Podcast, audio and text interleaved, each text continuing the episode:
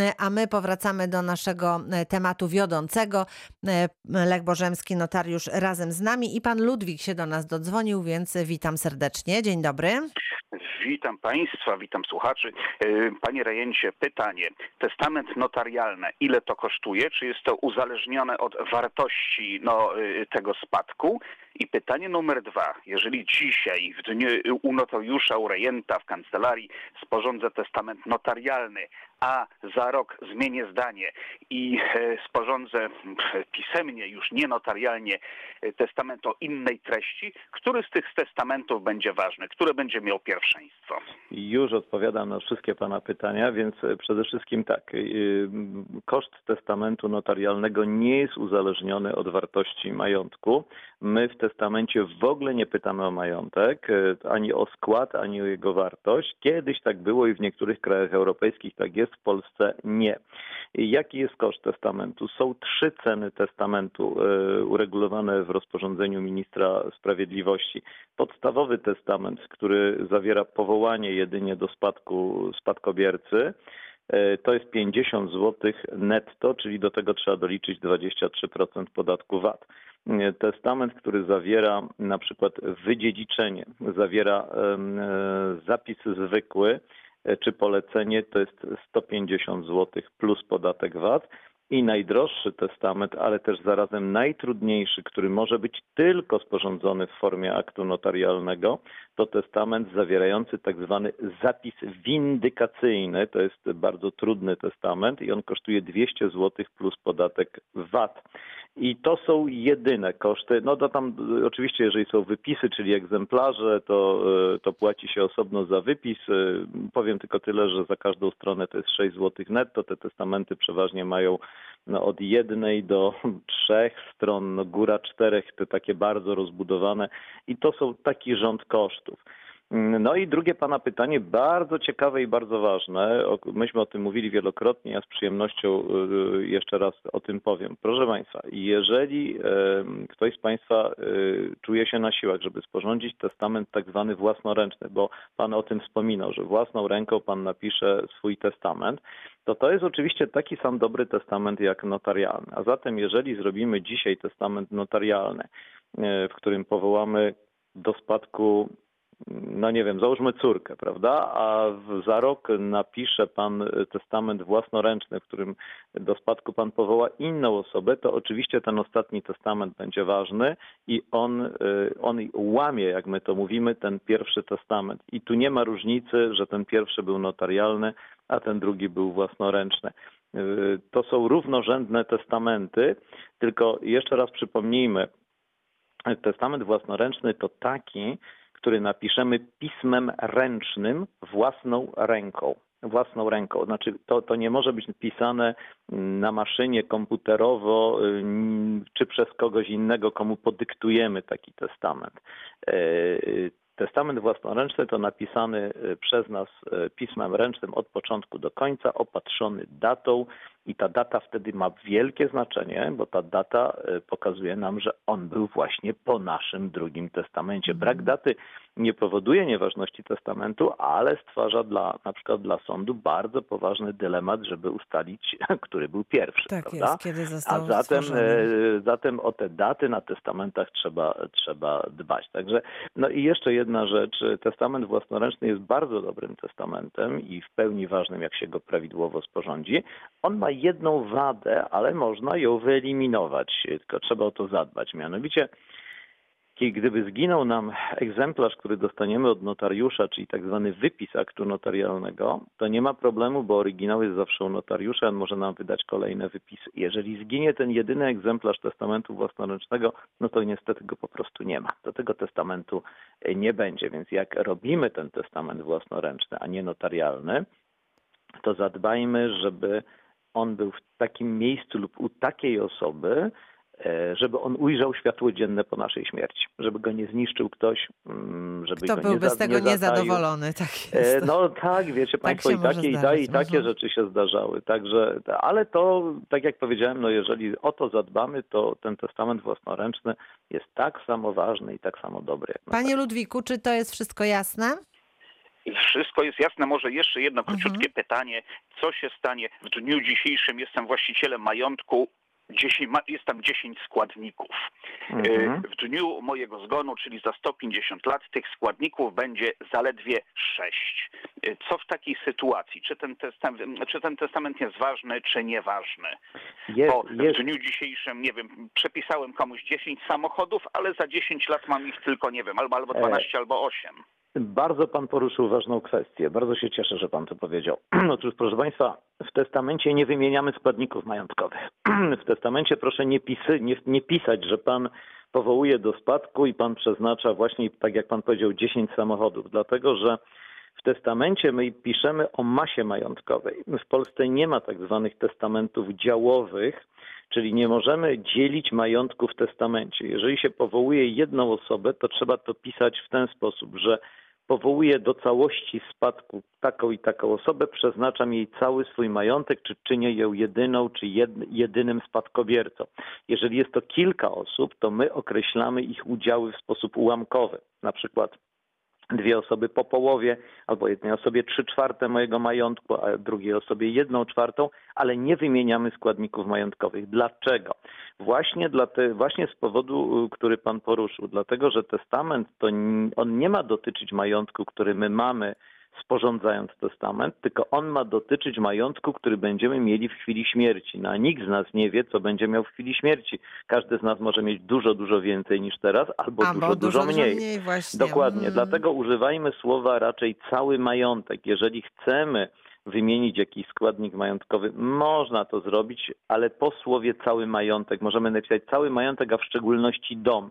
Ale to też nic nie znaczy, bo jeżeli tego domu nie będzie w chwili śmierci, no to on po prostu nie będzie przedmiotem dziedziczenia. No, przedmiotem spadku, przedmiotem dziedziczenia może być tylko ten majątek, te rzeczy, te prawa majątkowe, które mamy w dniu śmierci, czyli jak to się mówi w języku prawniczym, w dniu otwarcia spadku. Panie Ludwiku, Jestem ukontentowany. Pozdrawiam bardzo wszystkich. Bardzo nas to cieszy. cieszę. Dziękujemy panu uprzejmie. Pozdrawiamy wszystkiego dobrego i już odbieram kolejny telefon. Radio Wrocław, dzień dobry. E, Dzień dobry, mam takie pytanie. Jeżeli nie odrzuciłem, nie odrzucę spadku, Mhm. bo nie wiedziałem, że ta osoba odeszła i nagle y, po latach dowiaduję się, że, że jestem jedyny znalezionym spadkobiercą, chociaż go nie przyjąłem i na przykład tam są jakieś e, długi e, na, na, na, na, na, ten, e, na, na tej osobie, która po prostu załóżmy kuzyn czy wuj, Mhm. czy, czy A- w tym momencie nie odrzucając spadku, prawda? Bo nie wiem, że ta osoba odeszła z tego świata. Myślę, myślę, proszę pana, że nadal pan może odrzucić spadek. Pytanie, kiedy pan się dowiedział, że pan jest tym ostatnim spadkobiercą?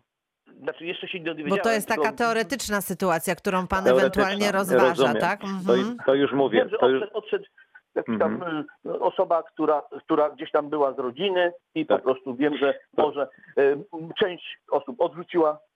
A pan nie wiedział, tak, że ta osoba odeszła i nie odrzucił mhm. pan spadku. Mhm. Tak, już, już, już odpowiadam. Proszę Państwa, mm, to jest, to jest też bardzo ciekawe pytanie i też cieszę się, że ono padło. Otóż, proszę Państwa, my tak mówimy w pewnym uproszczeniu czasami, że- to jest 6 miesięcy od śmierci, ale tak naprawdę przepis mówi, że spadek można odrzucić w ciągu 6 miesięcy od momentu, w którym potencjalny spadkobierca dowiedział się o tytule swojego powołania.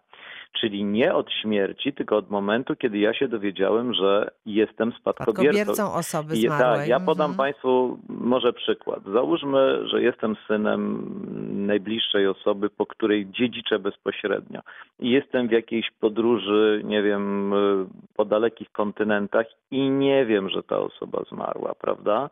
To te sześć miesięcy dla mnie się nie liczy od momentu śmierci, tylko od momentu, kiedy ja się dowiedziałem o śmierci tej osoby. Oczywiście zawsze powstaje pytanie udowodnienia, kiedy ja się dowiedziałem, ale to już jest zupełnie inna kwestia.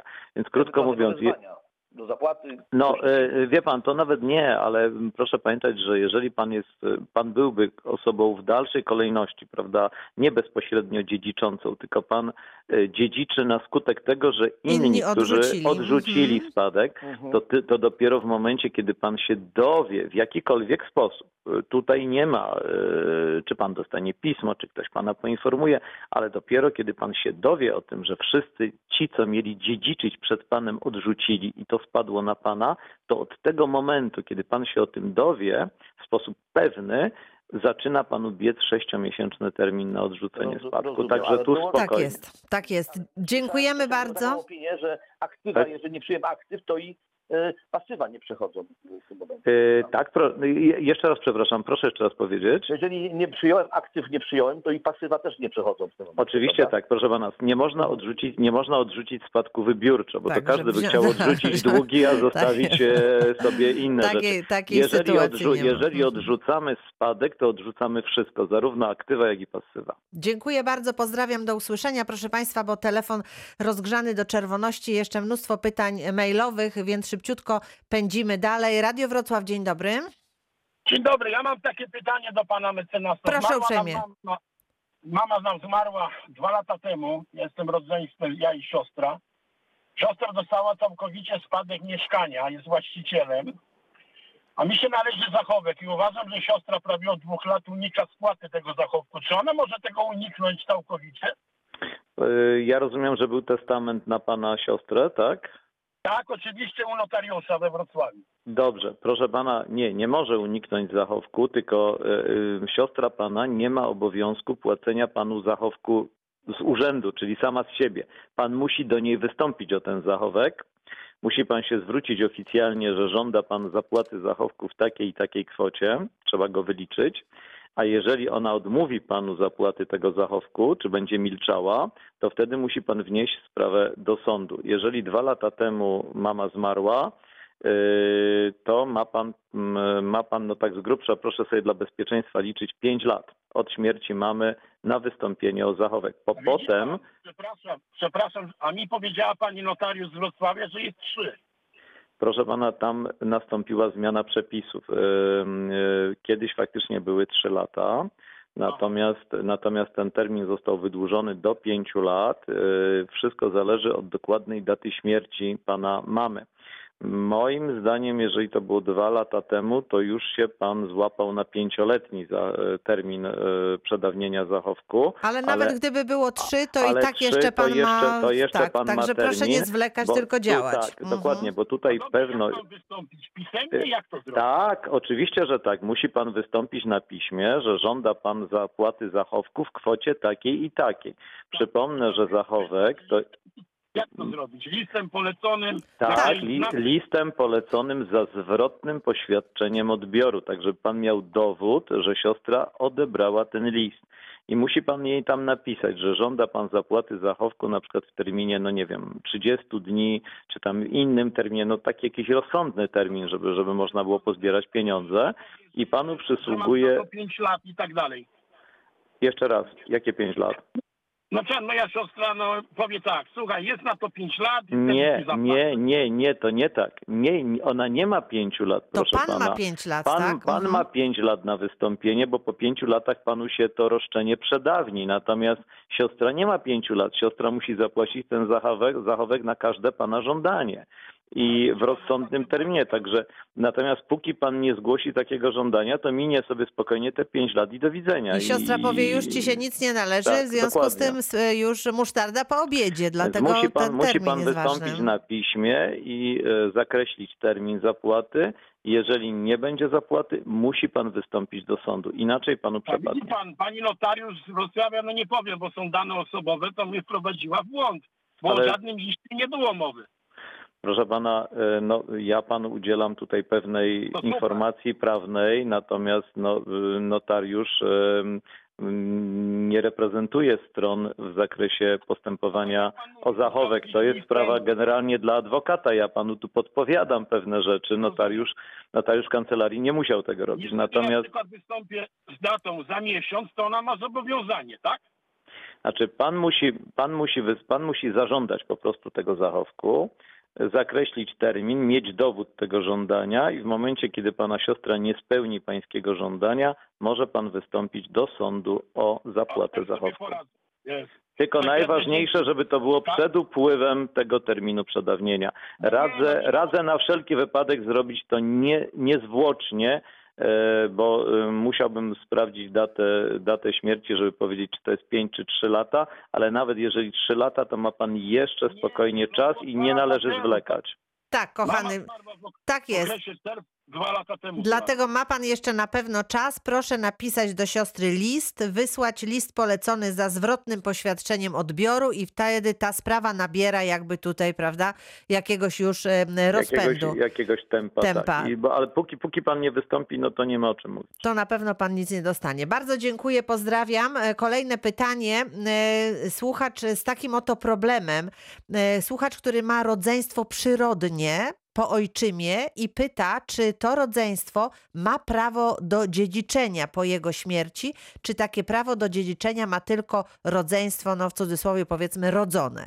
E, ma prawo dziedziczyć rodzeństwo także przyrodnie. Sprawa została rozstrzygnięta w uchwale Sądu Najwyższego, że rodzeństwo przyrodnie jest takim samym rodzeństwem jak rodzeństwo rodzone. To był kiedyś bardzo poważny problem prawniczy, ale jakby został rozwiązany i to jest, to jest takie samo rodzeństwo dziedzicze. Rozumiem, czyli gdybyśmy, bo tutaj słuchacz pisze, że nie chce, żeby to rodz- rodzeństwo przyrodnie dziedziczyło, to y, tutaj Y, wtedy... Są dwie możliwości. Mhm. E, No, najprostsza sprawa to zrobić testament y, i y, właściwie no, zrobić testament po prostu, Po prostu i nie testament, martwić mhm. się o nic innego, bo gdyby nasz słuchacz martwił się sprawą zachowku, bo to, to jeszcze raz przypomnijmy, mówimy o tym już od kilku lat, Tak ale jest, to ale nigdy to dość. nigdy dość, absolutnie. Tak, otóż nasze rodzeństwo, jeżeli dochodzi do dziedziczenia albo nie dochodzi do dziedziczenia, rodzeństwo nie ma prawa do zachowku, proszę Państwa. Do zachowku mają prawo e, tylko pominięci, na przykład w testamencie wstępni, czyli dzieci, wnuki, prawnuki i tak dalej w dół. Mają prawo pominięci w testamencie rodzice i współmałżonek. I to wszystko. I to wszystko. Rodzeństwo nie ma prawa nie jest do uprawnione zachowku. do zachowku, więc Mhm. jeżeli nasz słuchacz zrobi testament na przykład na swoje rodzeństwo, to tak zwane rodzone, Rodzone, prawda? tak jest, tak no to jest. w ten sposób Ono wyeliminuje będzie- mhm. rodzeństwo przyrodnie, dokładnie. Bardzo dziękuję. Kolejne pytanie pani Elizy. Proszę o informację, czy do masy spadkowej po zmarłym ojcu wchodzą pieniądze zgromadzone na koncie osobistym mojej matki, a także samochód zarejestrowany na jej nazwisko. Może tak być, mm, e, bo nie jest istotne, nie jest istotne na czyim koncie są pieniądze i nie jest istotne na kogo zarejestrowany jest samochód. Istotne jest z jakie, jakie jest pochodzenie y, tych środków i tych rzeczy. Jeżeli samochód został kupiony w czasie trwania małżeństwa, w którym obowiązywała wspólność ustawowa i został kupiony za środki wspólne, czyli pochodzące z majątku wspólnego, to on stanowi, e, e, był objęty wspólnością majątkową i pół tego samochodu wchodzi w skład majątku spadkowego. Pół podkreśla. I to samo dotyczy, proszę Państwa, konta. No, bardzo często małżonkowie, niektórzy mają wspólne konto, Mhm. ale bardzo często mają osobne konta. Ale jeżeli e, w małżeństwie obowiązywała wspólność ustawowa i na przykład, no nie wiem, na konto jednego z małżonków wpływała emerytura jednego, na konto drugiego wpływała emerytura drugiego. To nie ma znaczenia. Zarówno pieniądze z jednego, jak i z drugiego konta są objęte małżeńską wspólnością ustawową w trakcie trwania małżeństwa, a z chwilą śmierci jednego z małżonków pęka to na pół.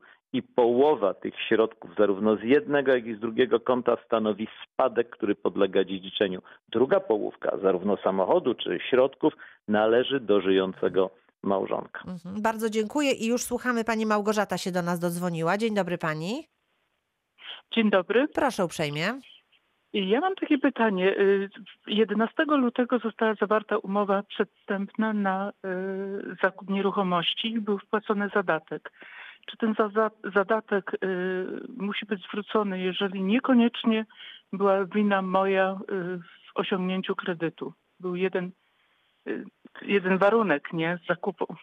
E, Proszę Panią, to zależy od zapisów w przedwstępnej umowie sprzedaży. Jeżeli mm, nie zapisano w tej przedwstępnej umowie sprzedaży, że nieuzyskanie przez panią kredytu, czy nieudzielenie pani kredytu e, powoduje, że pani może od tej umowy odstąpić i odzyskać zadatek, to niestety obawiam się, że ten zadatek może, bo rozumiem, że to pani dała ten zadatek, prawda? Tak.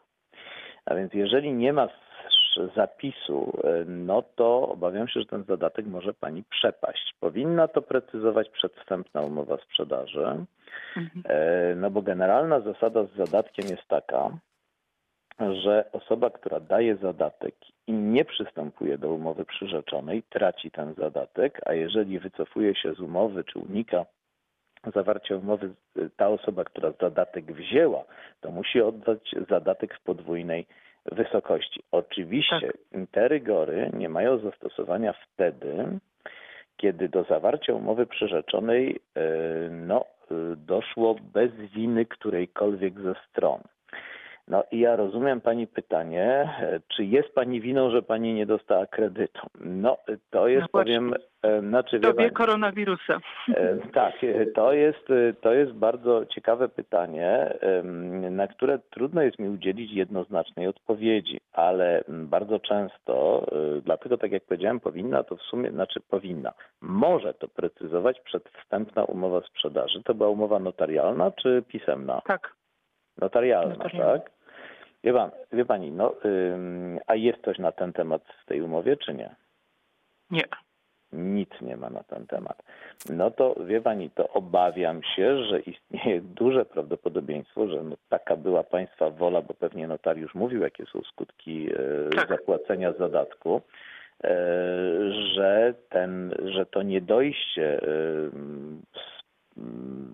znaczy nieprzystąpienie przez panią do tej przyrzeczonej umowy sprzedaży, no bez względu na przyczyny, bo ja często też tak piszę, ale taka jest wola stron, że no brak środków finansowych także z powodu nieudzielenia kredytu, czasami piszemy, jest no mm, niewykonaniem umowy przez kupującego i w takim wypadku ten sprzedający za ten Niestety. czas oczekiwania no zatrzymuje sobie zadatek. Mhm. Więc no nie chciałbym panią nadmiernie martwić, ale obawiam się, że może pani stracić ten zadatek. Dziękujemy uprzejmie.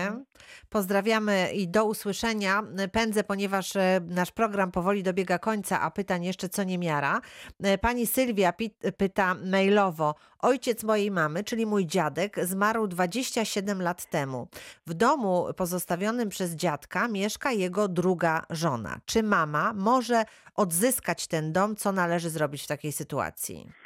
No oczywiście, że tak. Jeżeli e, dziadek nie pozostawił testamentu, to niewątpliwie jego spadkobiercami jest żona, ale także i Dzieci. dziecko, czyli, Mhm. czyli mama. Nie wiem, czy, czy, czy to jest jedyne dziecko Mhm. mama naszej tego, tak, tego nie tego wiemy. nie wiemy, Mhm, tak. ale oczywiście dzieci i, i, i, i żona dziedziczą y, na zasadach określonych w ustawie i trzeba po prostu zrobić postępowanie spadkowe. No to jest właśnie to, co my staramy się Państwu tutaj przy pomocy też Pani redaktor no, cały czas mówić, że nie dopuszczajcie Państwo takich sytuacji, żeby minęło 27 lat bez postępowania spadkowego, bo y, to tu czas nie działa na korzyść, to się samo nie rozwiązuje, to trzeba po prostu robić. Więc, więc oczywiście tak, chyba że tutaj skoryguję, y, dziadek naszej słuchaczki zostawił testament na swoją żonę i ona przeprowadziła postępowanie spadkowe. No to wtedy nie mamy o czym mówić, Mhm. bo prawo do zachowku dawno się już też przedawniło. Przedawniło, dokładnie. Trzeba to e, tutaj wszystko posprawdzać, ale